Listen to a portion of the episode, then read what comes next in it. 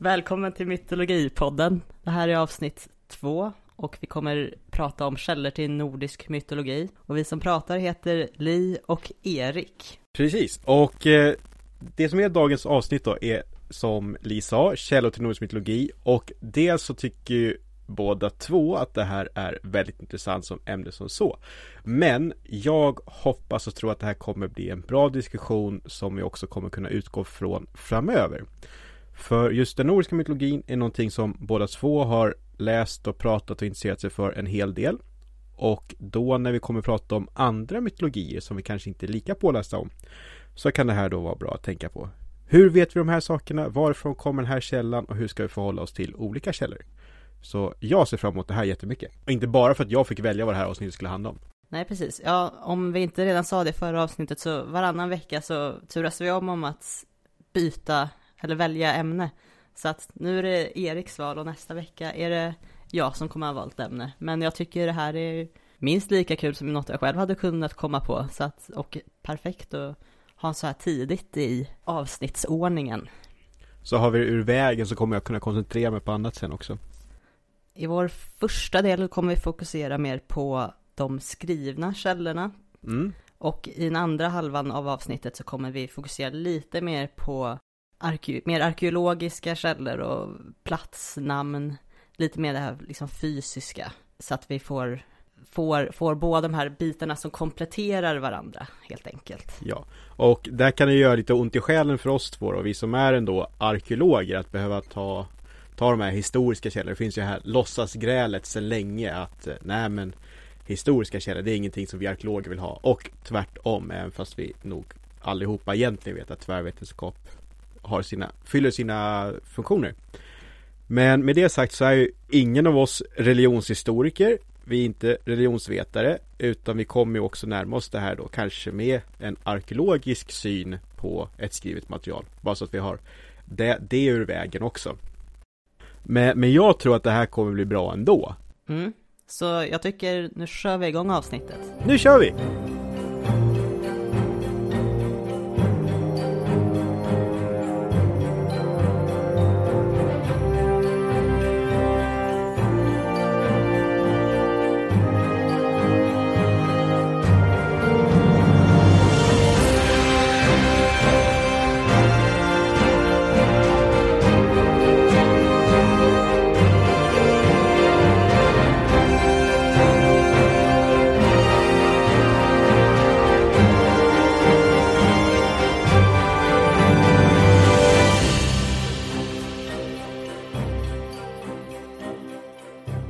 Lite för att innan vi går in på det här med att, att vi har skrivna källor så måste vi också påminna oss om att de flesta myter har ju traderats muntligt. Mm. Så fort man berättar någonting för varandra så uppstår det ju en visklek som automatiskt genererar förändringar i Mm. berättelserna och mytvärlden och hur man uppfattar för olika personer värderar ju olika detaljer olika viktigt och i olika sammanhang så är också olika myter eller karaktärer olika viktiga så att Mm. man måste gå in och veta att variationen har varit jättestor innan någon har bestämt sig för att skriva ner någonting. Mm. Precis, och det här är nog någonting vi kommer att märka i nästan alla de här olika skrivna källorna vi har. Sen så finns det ju då olika typer av skrivna källor som man kan tänka sig, det här är nog ganska nytt. Just det här som du säger, viskleken som påverkar. Men sen finns det också sånt som jag har läst om religionshistoriker och andra kunniga som på ett eller annat sätt ändå kan säga, jo men det här är ju en jättegammal källa utifrån det språkliga eller innehållet. Det är inte helt lätt hela tiden, men det gör det ännu mer spännande att försöka klura ut vad som är vad, tycker jag. Mm, och så finns det ju också mycket, det finns mycket motsägelser Mm. just också på grund av de här variationerna så att man kan, det är också så här, man kan ju inte sitta och småbråka om, ja fast här så står det ju så här och det, men det motsäger ju det, ja men båda är ju riktiga variationer. Same same but different och different but different but different. Erik, då kan du börja med att berätta lite om vad vi har för skrivna källor, de kändaste. Ja, då tänker jag att jag först snabbt går igenom de här skrivna källorna och sen efter det kommer vi att fördjupa oss i en efter en. Och eh, till att börja med, det kommer nog inte gå att prata om källor till nordiska mytologin utan att nämna Eddorna. Det finns ju två stycken Eddor. Det är Snorres Edda eller den yngre Eddan eller den prosaiska Eddan. Det är samma fast tre olika Ja, namn på Precis. dem. Ja. Eh, och sen så finns då den äldre Eddan eller den poetiska Eddan. Och eh, först var det så att man kände till Snorres Edda och sen så upptäckte man den här andra Eddan och tänkte det här är någon typ av katalog eller komplement till Snorres Edda och sen förstod man att jo men det här är nog egentligen äldre och Snorre bygger snarare på den Eddan. Men det, det kommer vi återkomma till. Eh, sen så finns det då historieböcker och då kommer Snorre Sturlason igen. Eh, Snorre Sturlason är då en man som levde på tidig medeltid på Island och han skrev ner mycket om den nordiska mytologin i sin Edda men han skrev också de här de nordiska kungasagorna i böckerna som nu är kända som Heimskringla. Och där berättar han om hur kungamakten runt omkring i främst Skandinavien då växer fram. Och lite på det temat så finns en annan skribent, Saxo Grammaticus från Danmark som skriver om eh, danernas kungalängd, alltså Gesta Danorum. Som då ska handla om faktiska danska kungar, men de får med en och annan gud i det också. Sen så finns det då någonting som jag inte brukar prata om så jättemycket egentligen, men runinskrifter finns ju. Som vi kan ha som någon typ av källa. Eh, inte jättemycket runinskrifter om man ser procentuellt alla de här runinskrifterna som faktiskt finns har med de hedniska mytologin att göra. Men det finns ändå en del saker vi kan använda oss av. Och sen så har vi med som en liten slutkläm folksägner hur den nordiska mytologin har funnits kvar senare in i tiden. Så då kan vi ju börja med Eddorna. Vad, är det, vad består de av? Ja, där, där hade jag ju svårt att hålla mig från att komma igång här alldeles nyss som vi märkte. Men det finns ju då som sagt två Eddor med jättemånga olika namn. Och Eddorna skrevs ner på Island under tidig medeltid. Så de är alltså från efter vikingatiden. Men de handlar om sånt som är vikingatida mytologi. Även fast man märker hur det har påverkats av senare tid också.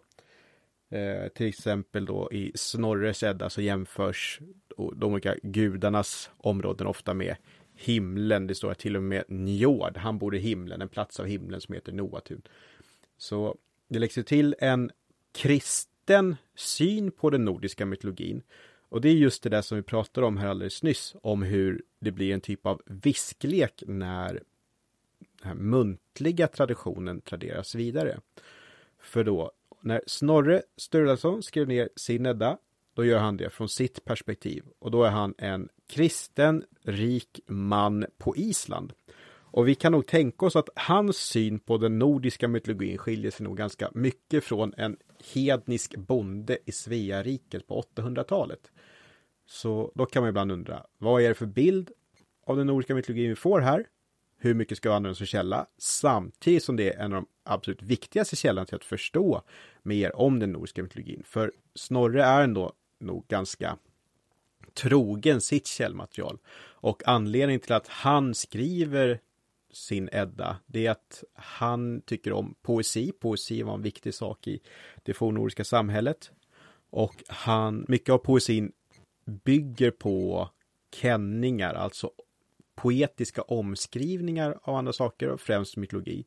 Och om kunskapen om mytologin skulle försvinna, då skulle då ungdomen bli sämre på att vara poeter. Så han vill ha kvar den här kunskapen för att folk ska kunna fortsätta skriva bra poesi även i framtiden. Så utifrån den ståndpunkten så är nog han ganska duktig på att föra den här kunskapen vidare. Eh, en sak jag tänkte, jag har bara läst Snorres Edda en gång. Och en av de här grejerna som jag minns som, som står ut mest i när man läser den och så går man in och läser med vissa förväntningar om vad nordisk mytologi är. Och så läser man asagudarna vandra in från Asien. Mhm. Så att det är ju där han liksom på något sätt har eh, minskat deras betydelse som att de var nästan som att de var människor som vandrade in från Asien och sen på senare tid har upplyfts till någon sorts gudastatus. Ja, och där är han ju en produkt av sin tid också, att han han och andra författare har genom historien försökt tolka gudar som att det egentligen är människor och sen så hur de då har omformulerats i den muntliga historieskrivningen till att bli gudar. Och han säger ju där att de kommer från Asien, det är ju väl mindre Asien så Turkiet, han kopplar väl ihop det här med Troja har jag för mig. Att Oden kommer därifrån. Och att de kommer från Asien är också själva skälet till att asagudarna heter just asarna, för att de kommer från Asien. Så han letar ju efter verkliga förklaringar till den här mytologin som han ändå har antagligen vuxit upp med, även fast han har levt i ett kristet samhälle. Men, men det är lite roligt då hur han då vrider och vänder på saker. Och sen så kan han ju säkert lägga till en del grejer också. Som för honom blir berättartekniskt bättre i fragment av historier han har kunnat ta del av. Om jag får spåna lite bara. Och om vi kollar mer på den eh, poetiska Eddan, mm. den finns ju ingen tydlig författare. Nej, eh, och den poetiska Eddan är ju då den äldre Eddan. Som jag nämnde där förut så hittade man den senare. Men sen så förstod man snabbt att eller snart i alla fall, att nej, men det här är nog det som Snorre mer bygger på. Och där finns också dikter i sin helhet som Snorre har citerat i sin Edda. Till exempel så inleds den äldre Eddan med Völesbau, Völvans spådom, någonting som citeras fragmentariskt i Snorres Edda istället. Så han har haft tillgång till dikter ur den äldre Eddan, ingen aning om det i sin helhet. Men sen då, även om den äldre Eddan är äldre och säkert mer hednisk i sin författning. Och det här kan säkert någon religionshistoriker bli arg på. Men sen så läggs det till en del kristna dikter också. Jag tror att det är någon som heter Solsången som jag inte alls är särskilt hednisk. Det är en kristen symbolik som bärs fram. Och hur vissa gudar omtolkas kan säkert också vara hur de har stöpts om i en kristen miljö. Och då får man vara försiktig med, är det här samma mytologi som man har kunnat ta del av i resten av det fornnordiska området eller inte. Och där är det ändå ganska trevligt när man kan hitta bra länkar. Där finns det till exempel eh, i den äldre Eddan kan vi läsa om eh, är den äldre Eddan? Ja, någon av Eddorna kan vi läsa om när Tor ska dra och fisk, eh, fiska med en jätte.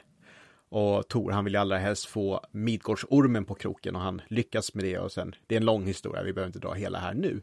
Och det här kan vi läsa om i någon av Eddorna. Och vi kan också se det här motivet på en, en runsten. Tydligt finns några andra Eh, stenristningar som skulle kunna vara samma motiv också. När man verkligen ser Tor sitta i en båt, man vet att det är Tor för han håller i en hammare och han håller i en fiskelina och det är någon typ av monster som biter sig fast. Så det här är någonting som vi vet har berättats på Island på 1100-talet och det har berättats i eh, vad blir det, Uppland långt innan. Så vi kan ändå veta att de här myterna som finns på Island har funnits på andra ställen, men sen kanske inte har berättats på exakt samma sätt. En till sak bara för att på något sätt rättfärdiga den äldre Eddan framförallt som gamla dokument, är att den är skriven på vers. Det är därför den heter den poetiska Eddan, till skillnad från Snorres Edda som är mer eh, typiskt så, vad ska jag kalla det, skönlitterärt framförd historia. Men i den fornnordiska poesin, det är mycket att förhålla sig till. Om man ändrar på ett ord kan det påverka hur resten av versen ska gå, för att det är en typ av rim och bokstavsrim.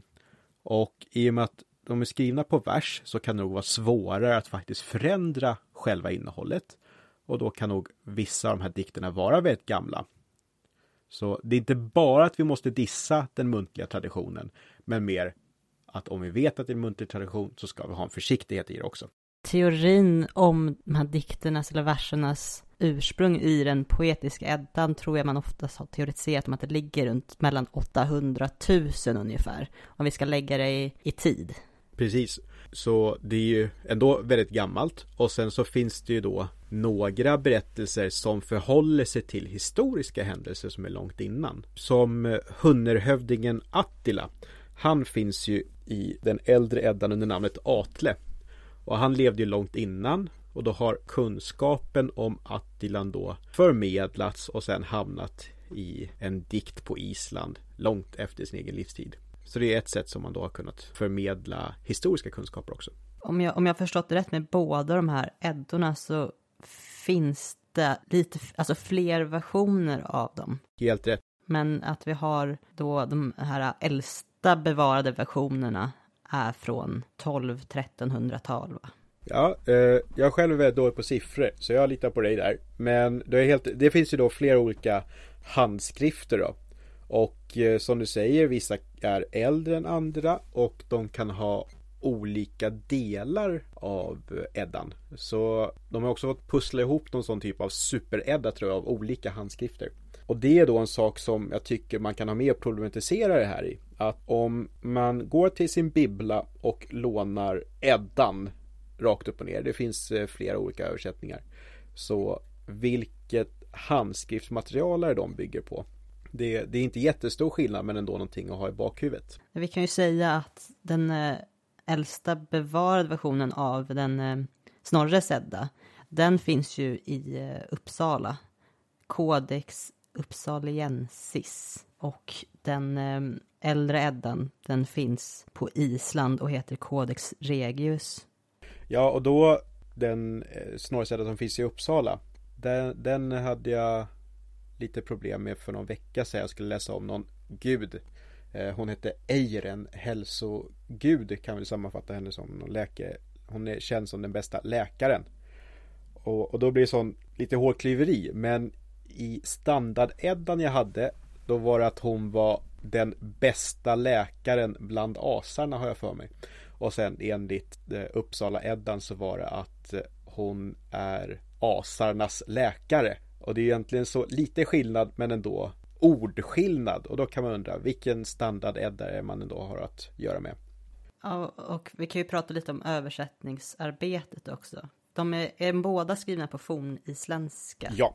Och det finns fler, som du sa, flera översättningar av bägge. Ja, precis. Och eh, där tycker jag att det är ganska kul att eh, när jag ska göra någonting som har med Eddan att göra, att jag faktiskt tittar i så många olika översättningar som möjligt. Och eh, ett exempel är väl att eh, i dans, det finns då eh, en Edda-dikt som heter eh, Sången om Harbardskvädet eller Sången om Harbard. Och det handlar då om guden Tor som har varit ute och farit. Och så ska han ta sig över ett vattendrag men färjekarlen vill inte släppa över honom. Och då försöker Tor muta den här färjekaren med sin ma goda matsäck. Och det var en så bra matsäck för han inte behövt äta sen i morse. Så det är en bra matsäck förstår vi. Och då i danska och norska översättningar då har jag hittat att det han försöker servera det är havregrynsgröt med kött, bockkött. Och bockarna är ju tätt kopplade till Tor som ju har en kärra som dras av två bockar. Men i svenska översättningar då brukar det istället stå att han har havregrynsgröt med sillbitar i. Och eh, jag har försökt kolla upp det här och båda översättningarna funkar ju. Men det är lite kul då att det har blivit olika berättartraditioner även inom skandinaviska översättningar. Fast de hade samma urs de hade samma text när de utgick från och fick. Ja, eh, det ska det vara. Eh, jag tror att det är, hur är det? Jag tror att det är Bor, nu får jag inte till det forisländska uttalet, men borrummer har jag för mig ordet. Som i översatts till havregrynsgröt och jag gissar att det har att göra med barley att göra. Eh, men att samma ord också kan tolkas som ett gammalt ord för bockar. Så det är lite små skillnader. När jag drar den här historien för barn, då är jag väldigt mer förtjust i att det är sill och havregrynsgröt i samma portion. Det tycker jag låter som en rolig grej. Ja, det är inte det vi är vana vid. Nej, men det blir så här bäst av uh, svenska högtider. Gröt och sill samtidigt. Verkligen. Ja, jag ska någon gång prova det här. Grö, gråbrun sörja med fisksmak. Mm. Jo, en, en punkt till angående med översättningar. När man väljer att översätta speciellt det här mer poetiska. där är ju inte bara det att man ska översätta ord för ord. Vissa översättare fokuserar ju på för att få mer det poetiska, alltså själva takten i hur det låter. Att man vill ha med allitterationerna till exempel. Medan man kanske översätter mer bokstavligt så kanske inte blir en allitteration och det låter inte lika eh, vackert, att det tappar tempot. Jättebra att du tar upp det. Eh, för där finns det ju en del översättningar som väl till och med fått lite dåligt rykte för att de nästan hamnar för långt ifrån källmaterialet i jakten på det poetiska. Och eh, du sa där att det är allitation som ska funka också. Allitation är alltså ljudrim att eh, samma ljud ska återkomma i flera ord som eh, ristade runor. Båda orden börjar på R. den fornnordiska poesin bygger väldigt mycket på just allitteration. Men sen då, som du säger, att om man bara fokuserar på det poetiska, då kanske man kan tappa bort lite innehåll istället. Det är mitt bästa partytrick att dra fram en fornisländsk Edda. Ska vi ta historieböckerna nu? Historieböcker, ja, det är ju intressant.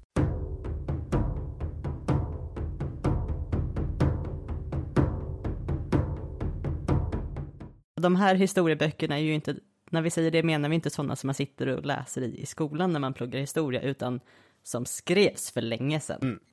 Då en och annan författare har tänkt sig att nu skriver jag ner det här så att kunskapen inte försvinner och det finns säkert någon kung med bilden också som gärna vill säga kolla vilken fin släkt jag har.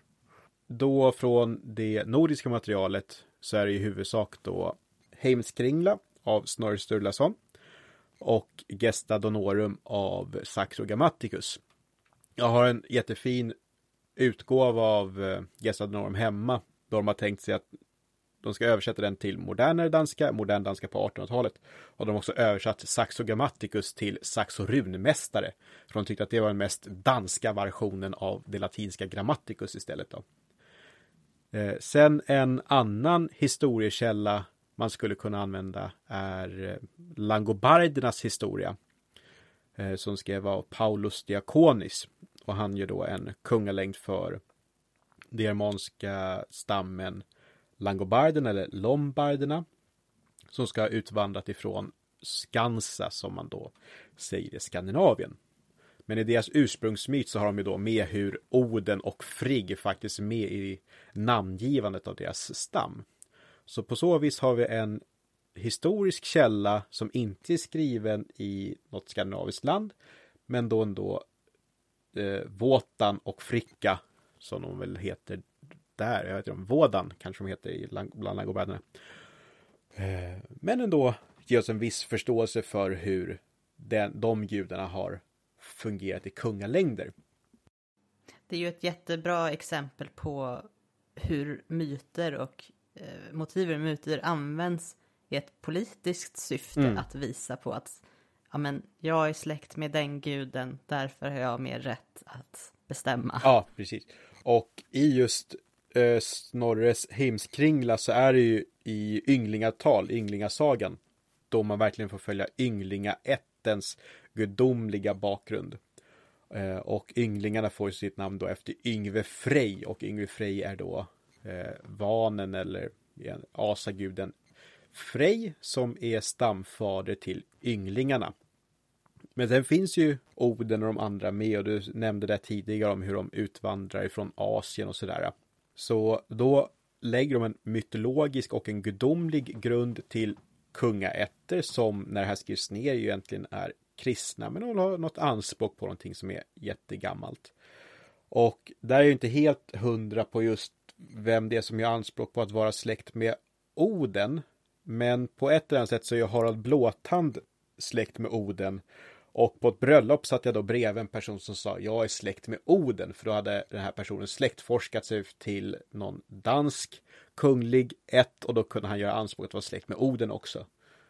Så släktforskare än idag kan ju använda sig av de här källorna på ett eller annat vis. Ja, det är väl också för att adeln under historisk tid på något sätt också har trott på det här tillräckligt för att låta det vara kvar i sina eh, längder bak i tiden. Mm. För att visa upp på sin ja, fina släkt. Precis, eller, också, eller som du sa där tidigare, hur man då har gjort gudarna mänskliga. Man kanske inte tänkte att, ja men min urfader Oden, han var inte en gud, utan han var just en kung då som sedan har upphöjts till gud. Så man har säkert använt det, kunnat använda det här på olika sätt. Och eh, just i Snorres Edda finns lite sådana småspår som kan vara roliga att använda just kopplat till de andra mytologiska texterna. Och sen i Saxo Grammaticus text så dyker det upp lite andra gudar och situationer. Där kan vi till exempel följa Ragnar Lodbrok. Som ju nu är känd via en stor tv-serie också. Eh, och vi kan läsa om han och hans eh, partner Lageta. Lageta dyker bara upp i Saxo Grammatica så jag för mig. Och de är då någon typ av, de är inte riktigt gudar, men de är ändå mytologiska på något sätt. Men sen några gudar som faktiskt dyker upp i Saxo Grammaticus, det är Balder och Höder. Och de dyker upp i den nordiska mytologin och de är lite kända sådär för att Balder, han är den här guden som är omtyckt av alla. Och sen så kommer då lite domedagsprofetia kring honom och han ska då bli odödlig. Men Loke, den här tricksten i den nordiska mytologin, lurar Höder till att döda Balder med hjälp av en, mistelpil. Och sen så brakar allting lös och det går åt skogen fullständigt med Ragnarök. Men Höder och Balder de dyker upp i eh, också. Men då är de inte alls samma situation som i de andra myterna vi mer känner till. Utan där har jag för mig att de mer strider mot varandra. De är inte så kärvänliga. Och då när vi läser böcker om mytologi, man tar någon bok i bokhyllan som heter Nordisk mytologi för nybörjare, då kommer vi inte alls få ta del av den myten, utan vi kommer utgå från Eddornas bild av Balder och Höder. Men då har man då alltså valt bort Gestad Norums bild av Balder och Höder. Så det är också någonting man kan ha i bakhuvudet. Vilka källor är det vi använder och vad väljer man bort? För att ha som avslutande här innan vi går till vårt lilla paus mm. i mitten så hade vi hade, nämnde du ju runinskrifter och folksägner också. Mm. Just det. Vi börjar med runinskrifterna. Ja. För det var inte jättemycket där sa du. Nej, precis. Utan vi har, ja finns det, vi kan dra till med att det finns eh, runt 3200 vikingatida runstenar i världen. Och, och eh, de allra flesta finns i Uppland och är från efter år 1000. Så nästan alla runstenar har ju någon typ av kristen anknytning. Eh, och det kan man också dra upp Harald Blåtand igen då. Och han gör ju sin eh, runsten efter pappa Gorm och mamma Tyrva på Gällinge i Danmark. Och den runstenen har då en stor bild av Jesus Kristus på korset. Också gör den en poäng av att han kristnade hela Danmark. Precis, han tar till och med ett litet avstånd där från en hednisk eh, mytologi. Även fast de allra flesta runstenar då är kristna så har ju då många runstenar inklusive Haralds sten de här rundjuren. Man kan kalla dem för drakar eller ormar eller rundjur, de här slingorna som finns ofta med någon typ av drakhuvud. Och då kan man undra, har det här ett kristen symbolik eller är det egentligen någonting hedniskt som lever kvar in i en ny kristen tradition? Kan man ju undra. Och sen så är det ju också så att i Eddan, den äldre Eddan i Havamal, eh, den höges sång, då är det ju Oden som är den som först får kunskapen om runorna och sen så går det då till människorna. Så runorna som så är ju en hednisk kunskap och det vet vi inte heller. Hur har man förhållit sig till det här som kristen i Sigtuna eh, efter år 1000? Tycker man att det är lite konstigt med runor eller har man helt släppt och tycker att det här är skrivtecken, ingenting annat? Och jag tror nog att de runorna är ganska sekulariserade då. Men sen så finns det då en del mytologiska inskrifter och det finns till exempel några runstenar som säkert kan vara samtida med den kristna runstenstraditionen och då står det istället för Kuth Hjalpisalu eh, Gud hjälper själen så kan det istället stå Thor Viki, Tor Vige. Och att låta rista det på en runsten talar ju om en helt annan typ av tradition. Att man då samtidigt som en kristen runstenstradition ändå har fortsatt tänka sig att jo men jag, jag har att Tor på min sten istället. Så där har man blivit mer inspirerad av det här kristna uttryckssättet. Mm. Och väljer att nej men jag vill ha våra gamla gudar. Ja, precis. Och eh, sen finns det då alltså runinskrifter som nog, eh, alltså, de som låter göra dem är 100% kristna. Det, det kan man nog vara rätt säker på. Men bilderna de väljer att använda är istället hedniska. Och eh, jag nämnde där med Tors fiske. Det syns på en runsten från efter 1000 är jag rätt säker på nu. Ja, eh, och eh, det finns runstenar med Sigurd Fafnesbane, Sigurd Drakdödaren som en historia som också finns i då den äldre Eddan.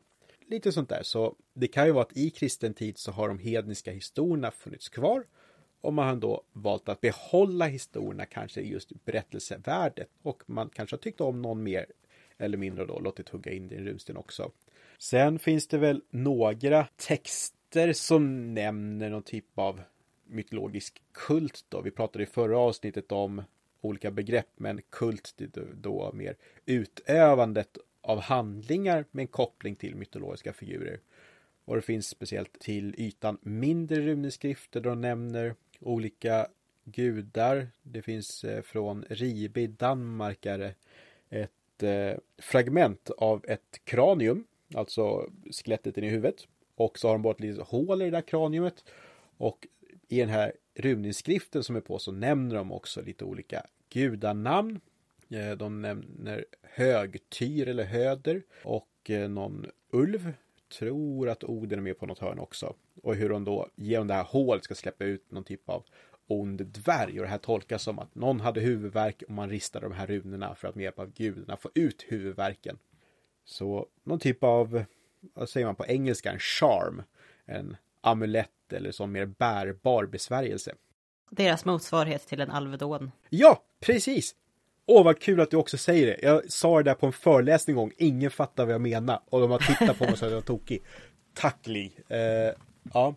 Eller jag sa inte Alvedon, jag sa huvudvärkstablett. Uh, Ja, jag, jag sa Alvedon för att jag hade ont i huvudet och tog en precis innan ja. vi, eller någonting innan vi började spela in det här. Så det kom, det kom till mig väldigt snabbt. Ja.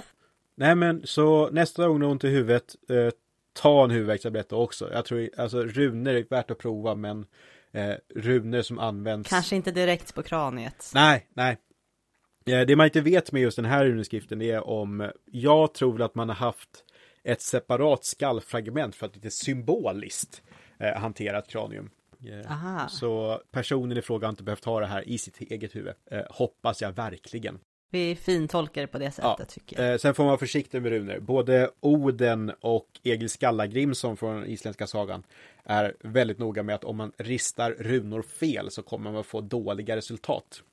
Så om man ska använda runor för läkemedelssyfte så får man vara försiktig med vad man skriver också.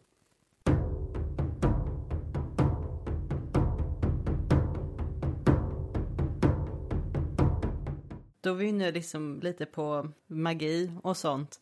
Så jag tycker det passar bra här att ta en eh, paus ja. mitt i avsnittet. Ja, ja. För vi har fått in en eh, lyssnarfråga. Vi har bett att våra lyssnare ska skicka in frågor som får ha vilken koppling som helst de vill till mytologi. Och nu har vi fått in en från Josefin som kommenterar på Instagram och var nyfiken på kopplingen till mytologi i Harry Potter. Eh, hur många gånger har du läst Harry Potter? Eh, beroende på vilken bok så är det åtminstone 5 till 14 gånger. Så de tidigare över 10, de senare strax under 10. Ja, eh, och med det sagt så lämnar jag över den här frågan med varma händer till dig. Delvis så undrade Josefin då vad J.K. Rowling hade för eh, lite vad för inspiration till, till Harry Potter gällande mytologi kan man se det något på de olika djuren eller varelserna, karaktärers namn, växter, besvärjelser eller på an i andra områden. Och då kan det vara värt att veta att eh, Jake Rowling studerade eh, på University of Exeter och där var klassiska studier en del av hennes utbildning. Så hon kom ju definitivt i kontakt med den grekisk, grekisk-romerska mytvärlden. Och det är väldigt mycket framförallt grekiskt och rom, romerskt som får mycket utrymme. Och vad gäller besvärjelse så är ju det mesta som sägs, som man säger då, för att man ska kasta en charm, är ju latininspirerat. Jag har letat upp lite exempel, för jag fick frågan idag, så jag har varit lite så här, ja, men jag får lite snabbt hitta några exempel. Om vi tar då besvärjelser, i bok nummer fem, The uh, Order of the Phoenix, eller The Phoenix Order, jag har helt tappat namnet, använder ju Hermione något som kallas för The Protean Charm, när hon ska i Dumbledores Army, nu, ursäkta till er som inte har läst boken. Spoiler alert. Jag får försöka för förklara lite grann. Och den går ut på att hon tar några mynt och kastar den här Protean Charm på den, som gör att de, deras utseende förändras samtidigt och de, de använder det som ett sorts kommunikation mellan medlemmarna i den här gruppen. Protean är inspirerat då av, vi får aldrig höra hur själva spellen uttalas, men den är inspirerad då av en grekisk gud, Proteus, eh, som kunde byta form. Så det är där den kopplingen finns. Och Proteus är en eh, en siande havsgud. I till exempel Odysseen så blir han fångad av Menelaus som behöver liksom få information från honom om vad han ska göra. För, jag minns inte om det var för att ta sig hem. Han, alltså han behövde de här siande krafterna. Och eh, eventuellt så är det alltså Poseidons äldsta son om jag förstått det rätt. Och sen har vi en koppling till eh, Horcruxerna som man pratar om i de sista böckerna. De alltså som Voldemort har lagt en bit av sin själ i olika föremål. Och då är det någon som har kollat då på eh, ordet eh, Horcrux där förmodligen så är den egyptiska guden Horus som eh, menas med förleden Hor. Och han är son till, eh, till dödsguden Osiris. Och eh, efterleden Crux är, kommer förmodligen från det latinska ordet för kors. Och då blir det sammansatt, blir ju Horcrux the cross of Horus. Och det är en sån här anksymbol. symbol -hmm. som ett kors med en ögla där uppe. Och det, det anken är en symbol för liv. Så det Voldemort vill med, det här, med de här horcruxerna, att han har spritt ut sina, sina bitar av sin själ i de här föremålen, det är ju att hållas vid liv. Jag vet inte hur medvet, alltså om det där, hur mycket av det som var i hennes tankar, men det låter ju som en väldigt sannolik koppling. Mm. För jag vet inte om det här är en översättning som hon har bekräftat eller om det är teorier online. Men eh, oavsett så funkar det och det är väldigt intressant. Ja, det är, jag tycker riktigt spännande att höra. Och samtidigt som, som du säger att J.K. Rowling har inte då bekräftat eller sagt emot det här. Utan att det är en teori då från läsarna. Och det är lite grann så vi kan förhålla oss till den andra mytologin vi har pratat om också. Eh, mm. vi, vi gör tolkningar och teorier. Och eh, mycket är väldigt väl underbyggt. Så det kan säkert stämma. Och sen finns det ju för alla som, oavsett om man har läst böckerna eller sett filmerna, så tror jag de flesta har sett att det finns väldigt mycket varelser, mm. eh, magiska varelser. Och där är det ju liksom lite plockat från många mytologier och från folksägner. Vi kan ju ta till exempel från första boken eller filmen, så har vi Hagrids så kallade hund Fluffy. Just det. En trehövdad hund som somnar till musik som han hade köpt från en grek. och det är, ju, det är ju absolut en koppling till, eh, till un, underjordens eh, väktare i den grekiska mytologin, Cerberus, eller Kerberus, det kanske uttalas med ett hårt K. Ja. Som är en trehövdad helveteshund, man ska säga. Och även då Hagrids hund Fluffy har ju också inom berättelsen funktionen att skydda ingången till de här lite mer, lite mer underjordiska gömstället av, spoiler, den vise sten. Mm. Alltså jag, jag har ju hört och tänkt på just det här Karbos kopplingen men har faktiskt inte tänkt på att det faktiskt är luckan som vaktas. Eh, alltså till underjorden så att säga. Mm. Mm. Ja, inom ja. inom citationstecken, men det är liksom längre ner i, i uh, slottet. Sen finns det ju kentaurer, det finns en sphinx med eh, drakar som är så här universellt överallt. Eh, det finns de här bevingade hästarna som drar eh, en vagn som de åker med från den franska trolldomsskolan till Hogwarts. Och de heter, de kallar för Abraxan Horses och de har fått, fått namnet då förmodligen från hästen Abraxas som drog Helios eh, kärra med solen över himlen. Och även mer eh, så har vi den här boggarten som förvandlar sig till det du är mest rädd för. Det är ju kanske inte direkt från någon mytologi, men det är ju den här från den här mer keltiska idévärlden om att det är, det är lite av en bogeyman. Så att J.K. Rowling använder mycket mytologi och formar det och använder det på ett sätt som känns eh, rimligt i den världen. Utan att säga att det är exakt som i myterna, men hon plockar av varelser och namn för att på något sätt ändå eh, koppla det till en värld men genom hennes eh, lins av det här är en värld med magi. Ja, nej, eh, vi pratade lite innan vi började spela in om det här och eh, jag tycker väl om Harry Potter som folk gör mest så jag är inte lika påläst och duktig som du blir. Men mitt enda spår här var ju som jag kom på på rak arm. Eh, just eh, hur hon använde sig av det gamla grekiska och romerska som du sa där. Men om man tar Remus Lupin eh, med hans koppling till det gamla. Mm. Dels hans efternamn Lupin. Det, det, har väl också med latinska ord för varg att göra. Exakt. Och hans förnamn Remus, den antagligen nu då näst mest kända Remus är väl eh, en av bröderna Remus och Romulus som är med och grundar Rom. Och vad har de med Remuslypen att göra? Jo, de uppfostrades av en varg. Och jag tänker inte spoila någonting, men vi kan säga att det har någonting med vargar att göra när det har med Remuslypen att göra. Exakt. Bam, bam, bam. Sen en av mina favoritupptäckter när jag letade lite i, i det här, just materialet kring eh, karaktärers namn i Harry Potter, så finns det på Hogwarts en vaktmästare som heter Argus Filch, hatad av alla. Och han, hans förnamn Argus då är då från en, eh, ett monster i den grekiska mytologin med hundra ögon och är ständigt vakfull och håller koll på saker. Och eh, själva karaktären Argus Filch i, i böckerna, han, han är ju runt överallt och ser och fångar eleverna och han har och även sin katt som smyger runt och håller koll och är vakfull så att ingen gör något dumt.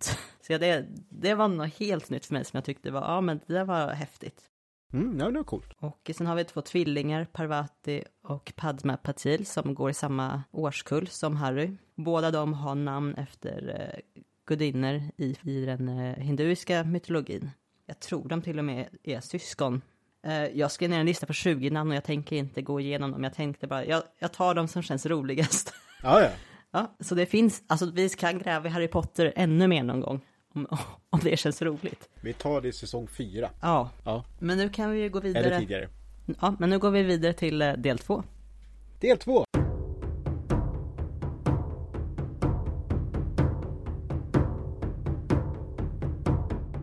Andra halvan. Mm. Och det är då vi hade tänkt förhålla oss lite mer till det, det fysiska. Och eh, då har vi arkeologiska lämningar, arkeologiska föremål, men också platsnamn eller ortnamn. För nu om man sitter i en bil och åker någonstans, man åker förbi massa roliga namn. Men många av de här namnen kan vara väldigt gamla och kan ha med den nordiska mytologin att göra också. Ja, vi kan ju framförallt i de här namnen på orterna eh, se på både förleden och efterleden vad de haft för betydelse. Och det finns flera gudar som framträder i förleden. Till exempel Tor, Oden, Frej eller Frö. Och ull, och ull är ju den lite mer speciella i det här sammanhanget eftersom man inte är lika framträdande i det skriftliga materialet. Men det finns väldigt många platser som är uppkallade efter ull helt enkelt. Ja. Eh, Och där är också då en källkritik eller en försiktighetsåtgärd man får ha när man just läser de skriftliga källorna som då är nedskrivna på framförallt Island. För där går ju Oden fram som den viktigaste guden. Men platsnamn som har med Oden att göra är inte alls lika vanliga i det som är dagens Sverige, utan då som du säger, det är mer ull som träder fram och lite mer Tor och Frej eller Freja. Så Oden kanske inte lika framstående här, men kanske desto mer i Västskandinavien och Västnorden. Men du nämnde ull där, och det tycker jag är jättekul. För då ett platsnamn som flera kan känna igen är då Ullevi. Och Ullevi är inte bara en helig plats för fotbollssupporters nu för tiden, utan det har ju varit en helig plats förr. För Ullevi är då förledet Ull, som är guden Ull, och vi betyder helig plats. Och som du sa så finns det då flera olika sådana Eh, led som vi kan använda för att förstå vilken funktion en plats har haft förr. Vi betyder helig plats och vi är då kopplat till eh, ordet helig just. Det finns ju kvar i tyskan. Om man säger jul på tyska så är det Weihnachten, den heliga natt. Weihnacht är då, eller Weih, är helig.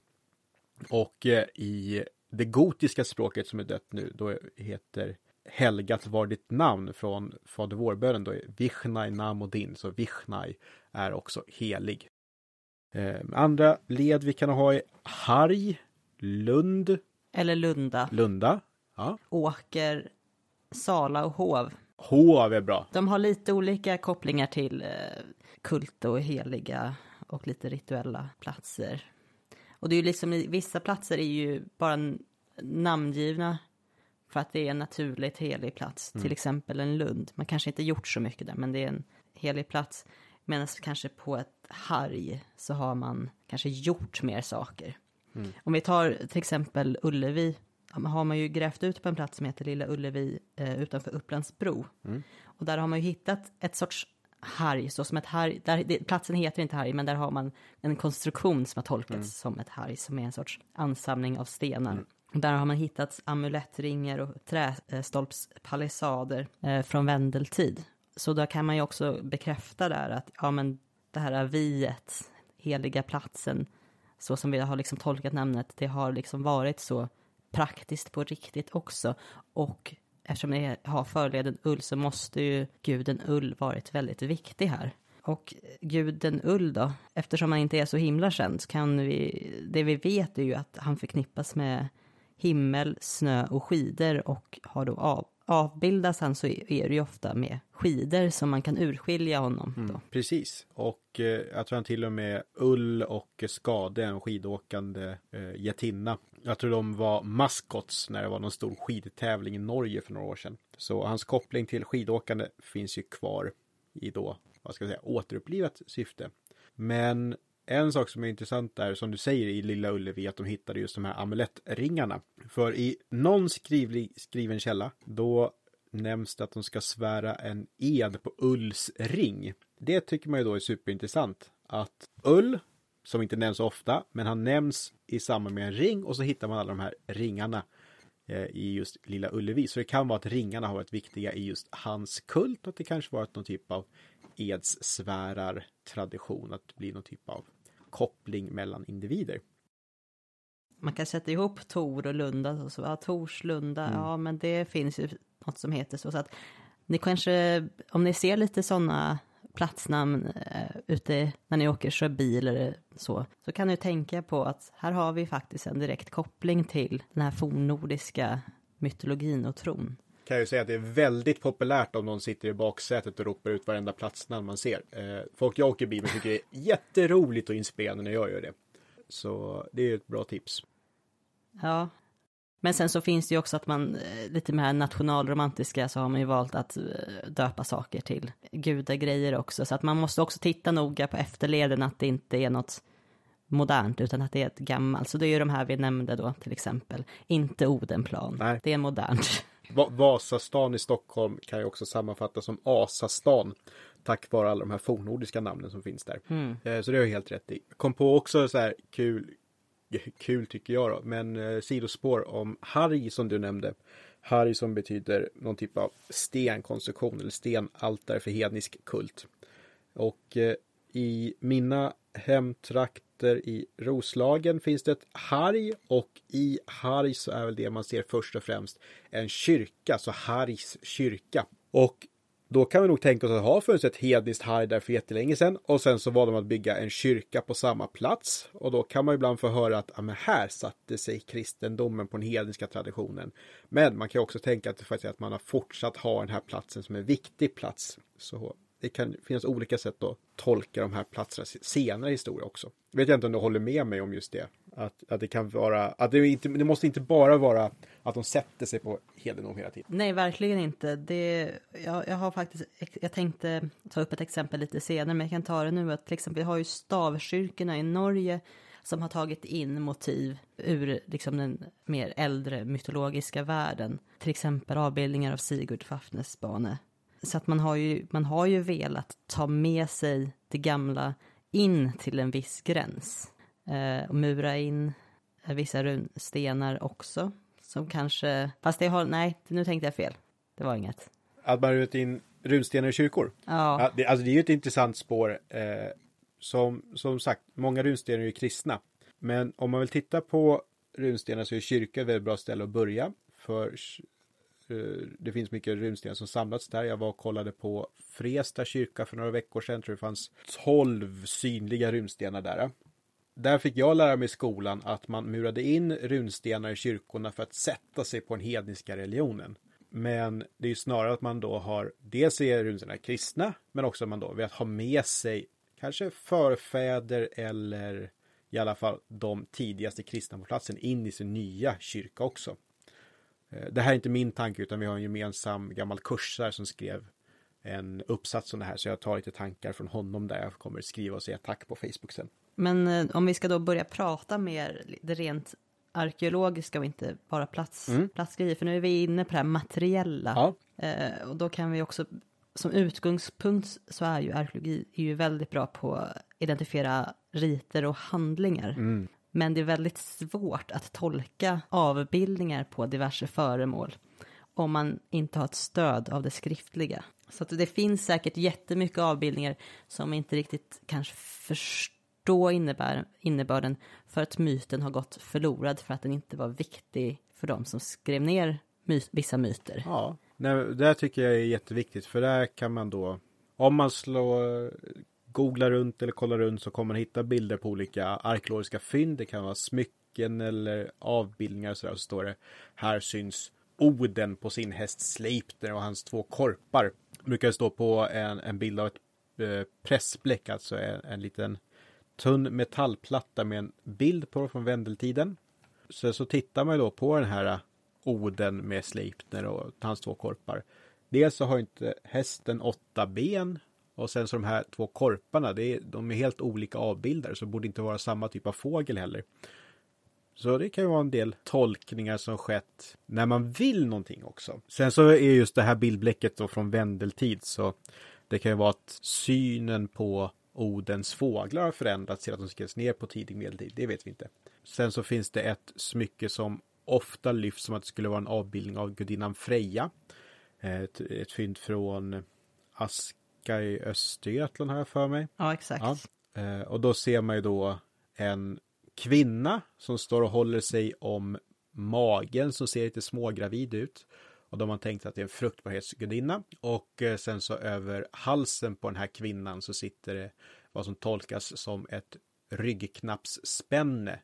Eh, det här själva halsbandet är från vikingatid men ryggknappsspännen användes då innan vikingatiden. Men då tolkar man det här som att den gravida kvinnan skulle kunna vara Freja och halsbandet som sitter på henne skulle vara Brisingamen. Det brinnande halssmycket, det guldsmycket som Freja har. Så det är ändå en ganska välbyggd teori. Men sen så finns också en teori av en av våra gamla föreläsare. Och hon säger ju att det istället skulle kunna vara en getinna som omfamnas av en orm som hon har hittat i någon annan myt. Så det kan ju finnas olika tankar också. Ja, precis. Det som är kul med det arkeologiska materialet också, nu rör jag mig runt micken Mm. på ett fel sätt, men eh, är ju att, att det kan ju delvis bekräfta myterna ur det skriftliga, ja, men man har avbildat det på det här sättet som de har skrivit det. Mm. Och sen kan det också visa att, att så som är eh, platsnamnet Ull då, att om man ser på utspridning och koncentration av saker, att vissa myter eller gudar har varit viktigare i vissa områden och platser eller under en viss tid. Så det ju, kompletterar ju liksom från att inte bara vara ett innehåll utan från att också bara visa relevans. Man kan ju också jämföra med avbildningar från ännu längre bak i tiden. Till exempel under bronsåldern så är man ju generellt överens om att solen hade väldigt stor betydelse. Och flera avbildningar på hällristningar av, eh, så finns det något som kallas för solvagnar, att man har hjulkors kopplade till hästfigurer. Och sen har vi ett fynd i Danmark som är väldigt känt som kallas för Trundholmsvagnen, vilket är en, typ, en stor gyllene guldskiva som dras av en häst. Men, och samma idé finns det ju hintar till om i Eddorna att det är en häst som drar solen Just på en det. vagn. Så att då vet man ju liksom, även om det är bara en liten detalj i Eddorna så kan man ju se i det arkeologiska att det var en jättestor och viktig idé redan under bronsåldern.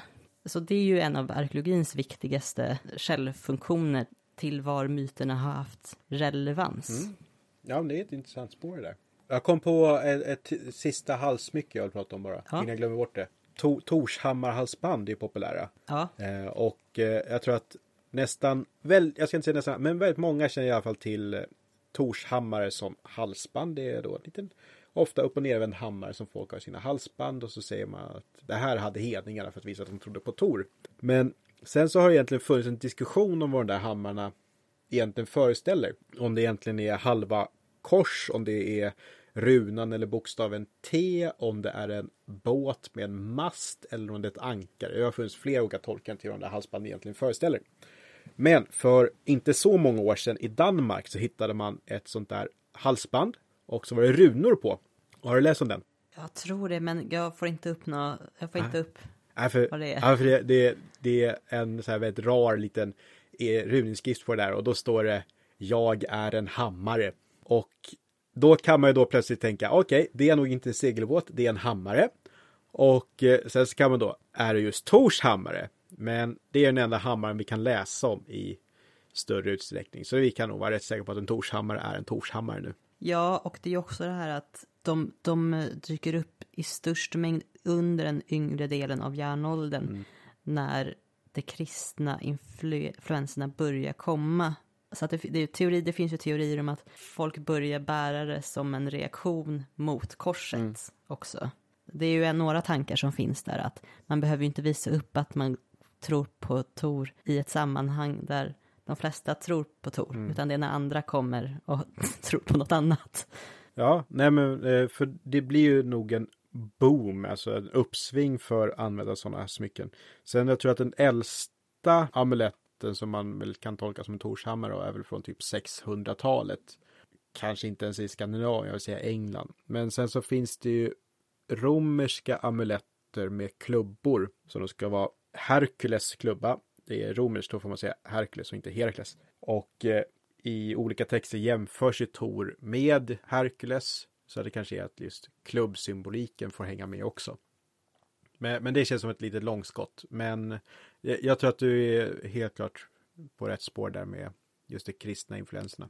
Utöver de här exemplen vi tagit upp så är ju att det förekommer ganska mycket ornamentik och nästan kan säga ikonografi på väldigt mycket, på en variation av föremål, på dräktdetaljer och utrustning och vapen, stavkyrkor. Och som sagt, har vi inte det skriftliga så kan det vara väldigt svårtolkat. Mm. Och det finns mycket bilder som man inte riktigt förstår. Djurornamentik till exempel är ju extremt vanligt. Eh, och det finns många exempel på olika djur med magiska krafter i de olika myterna. Vi har ju Särimner, grisen, Ratatosk, ekorren som klättrar upp för världsträdet. Det är ju kanske inte så att vi har alla myter om djuren, men vi kan se i materialet att de har haft en förmodligen haft en extremt stor betydelse, inte bara i det riktiga livet utan även i mytvärlden. Innan vi går vidare på lite mer motiv från myter som man kan ganska lätt känna igen, så finns det också vissa fornlämningar som relaterar till hur man har förhållit sig till världen eh, och sin eh, syn på kosmologin. Så som man i den nordiska mytologin har sett på hur världen är uppbyggd så är det ju liksom bestående av nio världar och så har man världsträdet Yggdrasil med tre rötter. Och just de här numren, nio och tre, är något som förekommer i flera olika fornlämningar och gravtyper som man då kan ha tolkat som ska kunna representera världsträdet eller de nio världarna. Och då har vi en gravform till exempel som kallas för domarringar som man byggde från den yngsta bronsåldern och under en äldre järnålder fram till folkvandringstiden ungefär. Som brukar bestå av sju till nio stenar. Så det är liksom en stenkrets med rejäla stenar. Och så har man även identifierat på, i ringborgen Ismanstorp på, på Öland och den är från 200-talet då efter Kristus. Och den har då nio ingångar. Och som exempel på världsträdet Tre rötter så finns det en gravtyp som heter Treuddar som är då en gravform med tre stycken spetsar som förmodligen då ska representera de här tre rötterna. Och det är ju inte bara det, utan i mitten finns det oftast ett block eller sten och det har sannolikt då Eh, den här mittstenen har kunnat representera trädets stam. Men det är jättesvårt att konfirmera att det är så, men det finns vissa mönster som förekommer i i fornlämningar med de här eh, nummer 9 och 3. Mm. Ja, men det var kul att du nämnde den där treudden också. Eh, för jag pratade med en på jobbet om det där bara för någon vecka sedan. För jag hade med mig en kopia av ett trefliksspänne, alltså ett dräktspänne i den vikingatida kvinnodräkten. Ser lite ut som gravformen treudd. Och då undrade någon om det har med gravtypen att göra.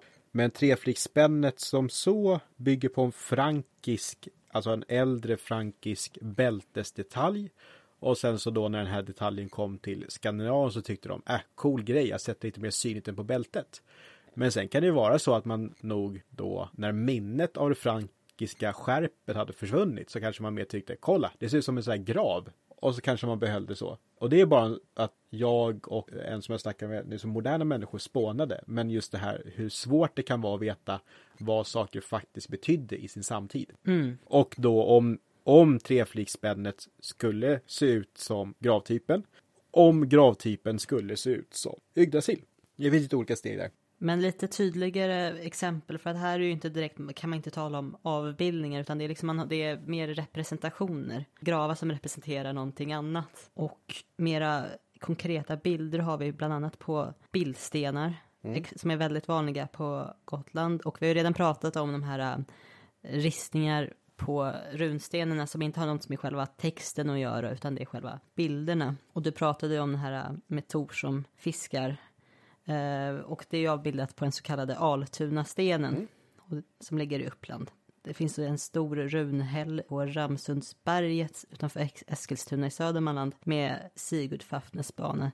Och det är liksom, den visar ju flera olika steg i, i den här myten. Det är liksom det grillandet av drakhjärtat och eh, själva dräpandet av draken. Och draken är ju själva slingan med runinskriften i så att den, den, är väldigt häftig. Jag skulle äntligen få se den där runhällen för första gången för ungefär ett år sedan. Jag åkte bil dit med en kollega och eh, det var på våren. Men natten till att vi åkte dit, då hade det kommit snö och minusgrader. Så när jag kom dit var det en decimeter is över hela hällen. Nej, vad tråkigt. Så jag såg inte den. Men då har jag det kvar att se fram emot. Ja, nej, den är ju, den är ju väldigt, den är väldigt stor. Mm. Det är det som är det mäktiga. Eh, ungefär lite mindre än en timmes promenad ifrån eh, Altunastenen som du nämnde så finns det en till Sigurdsten. Men den är inte lika stor, den är ungefär upp till bröstkorgen på mig. Så det finns ju just Sigurdmotivet finns ju på lite olika stenar och eh, som du sa också stavkyrkor och sådär. På bildstenar, jag tänkte nämna ett exempel på en bildsten som är nog den mest kända. Kängvidestenen från Gotland. Just där har vi ju en åttabent häst man kan väl tro att det är Oden som sitter på också. Och sen har vi en kvinnlig gestalt framför och som vanligtvis tolkas som en valkyria. De här bildstenarna kommer ju från, då, från yngre järnåldern. Sen så slutligen, mitt sista exempel på mytologiska motiv på stenar har vi från Skåne. Ett runstensmonument som heter Hunnestadsmonumentet som bestod av flera runstenar. Men just den här jag tänkte prata om nu har ingen runinskrift på sig men avbildar vad man tror är en retinna som heter Hyrrokin som sitter och rider på en varg. Och det känns ju som ett sånt typiskt motiv som hade varit väldigt svårt överhuvudtaget koppla om man inte hade haft en skriftlig källa. Och jag tror inte att det ens står särskilt mycket mycket om den här getinnan i källorna. Nej, hon dyker upp i samband med Balders begravning. Och där står det ju det att hon kommer ridande på en varg som du säger och istället för tyglar har hon ormar. Och det är också det som syns på den här eh, avbildningen som du nämnde. Ja, mm. det var det sista eh, exemplet jag hade på på arkeologiska objekt. Jag kom på en till grej. Ja. Där just det här med vad Eddorna återspeglar för tid och Eh, Eh, hur, hur man ska se som allmängiltiga för fornnordisk tro. Det finns en religionshistoriker, Andreas Norberg, som skrev sin avhandling om krigarna i Odens sal och utgår ju då, alltså det handlar ju om krigarna som har med Oden att göra. Men så vitt jag kommer ihåg från den här avhandlingen så är bilden av Valhall ganska sen i mytologin och tanken på mytologi. Eh, utan han har tittat på hur dödsföreställningar har framställts i de isländska sagorna som skulle kunna vara en äldre framställning än vissa av Eddorna, eller vissa delar av Eddorna. Och där verkar det som att man har tänkt sig att den döde ska finnas inne i en gravhög. Att inne i själva graven finns livet efter detta, att det kanske är där familjen samlas. Och det finns då i isländska sagor om hur gravhögar öppnas upp och man kan tala med den döde som finns där inne. Och då finns det en del sådana Eh, dels många gravar som har med sig gravgård och vi kan tänka sig att de här människorna har nog tänkt sig att den här gravgården ska fylla en funktion. Men sen finns också som kammargravar där det faktiskt finns ett rum för en död att befinna sig i. Så då har vi dels en eller flera dödsföreställningar i Eddorna som handlar om Valhall och Hel och sådär. Men samtidigt som vi kan få små glimtar bitar av en annan dödsföreställning inom samma mytologiska ram. Och då kan man undra, hur har det här påverkat just lämningarna man faktiskt lämnar efter sig? Lite sidospår.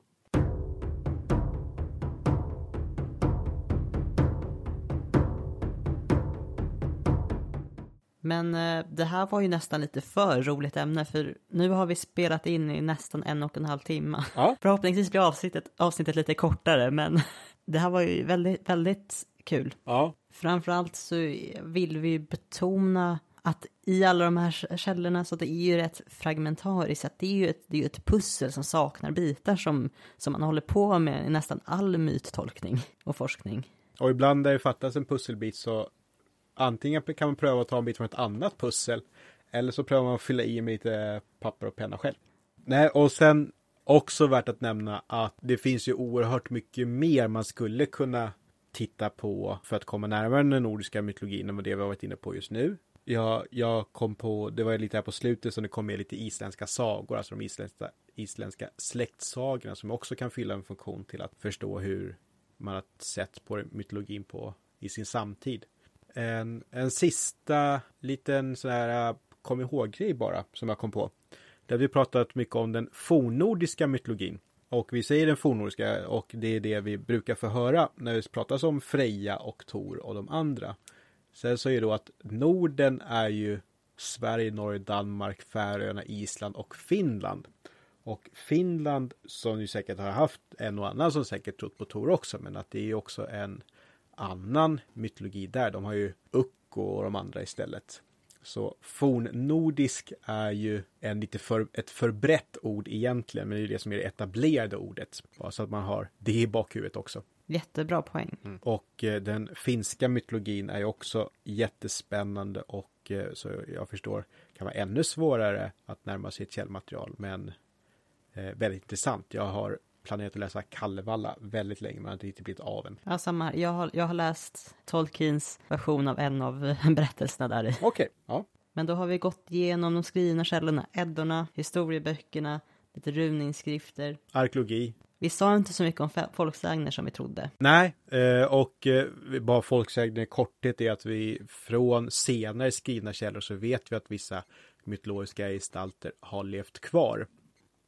Eh, och det kan vara Odens vilda jakt då han ska ha jagat farliga väsen eller om hur Tor har dragit fram och gjort så att det är Oscar. Så det finns ju senare källor också då de här figurerna finns kvar. Och sen alla de folktroväsen som ju säkert kan ha fyllt en funktion i mytologin i äldre tider. Om ni tycker att något har varit lite otydligt eller extra intressant så får ni gärna skicka frågor och kommentarer på det vi pratat om. Om det är något som behöver förtydligas lite extra så tar vi upp det i, eh, i det här mellansnacket. Det var kul att få prata lite Harry Potter också, mitt, mitt i den här smeten. Det, det är helt okej att få göra lite avstickare ibland. Ja, nej men det finns ju så många saker som du, du sa där i frågestunden att det kan vara en tydlig koppling eller mer otydlig koppling till mytologin. Och eh, det kanske inte nödvändigtvis är så att vi kan svara på frågan med en gång. Men båda två tycker att det är kul att kolla upp saker också. Eh, precis, och vi, vi sparar alla frågor. Vi, alltså har vi fått in tio frågor på en vecka kan vi ju inte ta alla i nästa avsnitt. Så att vi kan spara på det till ett tillfälle det kanske matchar avsnittet. För att avsluta så vill vi tacka er som har lyssnat. Nästa vecka då kommer vi bege oss in till den platsen som är så bra att börja på, nämligen början. Och det är skapelsemyter. En specifik genre av skapelsemyter. Det blir lite av en överraskning när vi kommer dit. Ja, ja nu kommer det låta lite så här som att jag är en trasig skiva, men jag ser väldigt mycket fram emot det här ämnet och tycker att det ska bli jätteintressant att prata om och läsa på sig om innan också. Eh, För det kommer jag visserligen tycka om alla våra ämnen, men det här är också extra spännande. Ja, och ni hittar oss på Facebook, Mytologipodden, och på Instagram, Mytologipodd. Och vår hemsida är mytologipodden.com. Och där kan ni via kontaktformuläret skriva lite längre meddelanden till exempel till oss. Det går ju jättebra att skriva på Instagram och Facebook också om ni vill skicka frågor där. Det var det för den här veckan. Stort tack, ha det så bra. Vi ses om två veckor, eller hörs snarare. Det gör vi. Hej hej!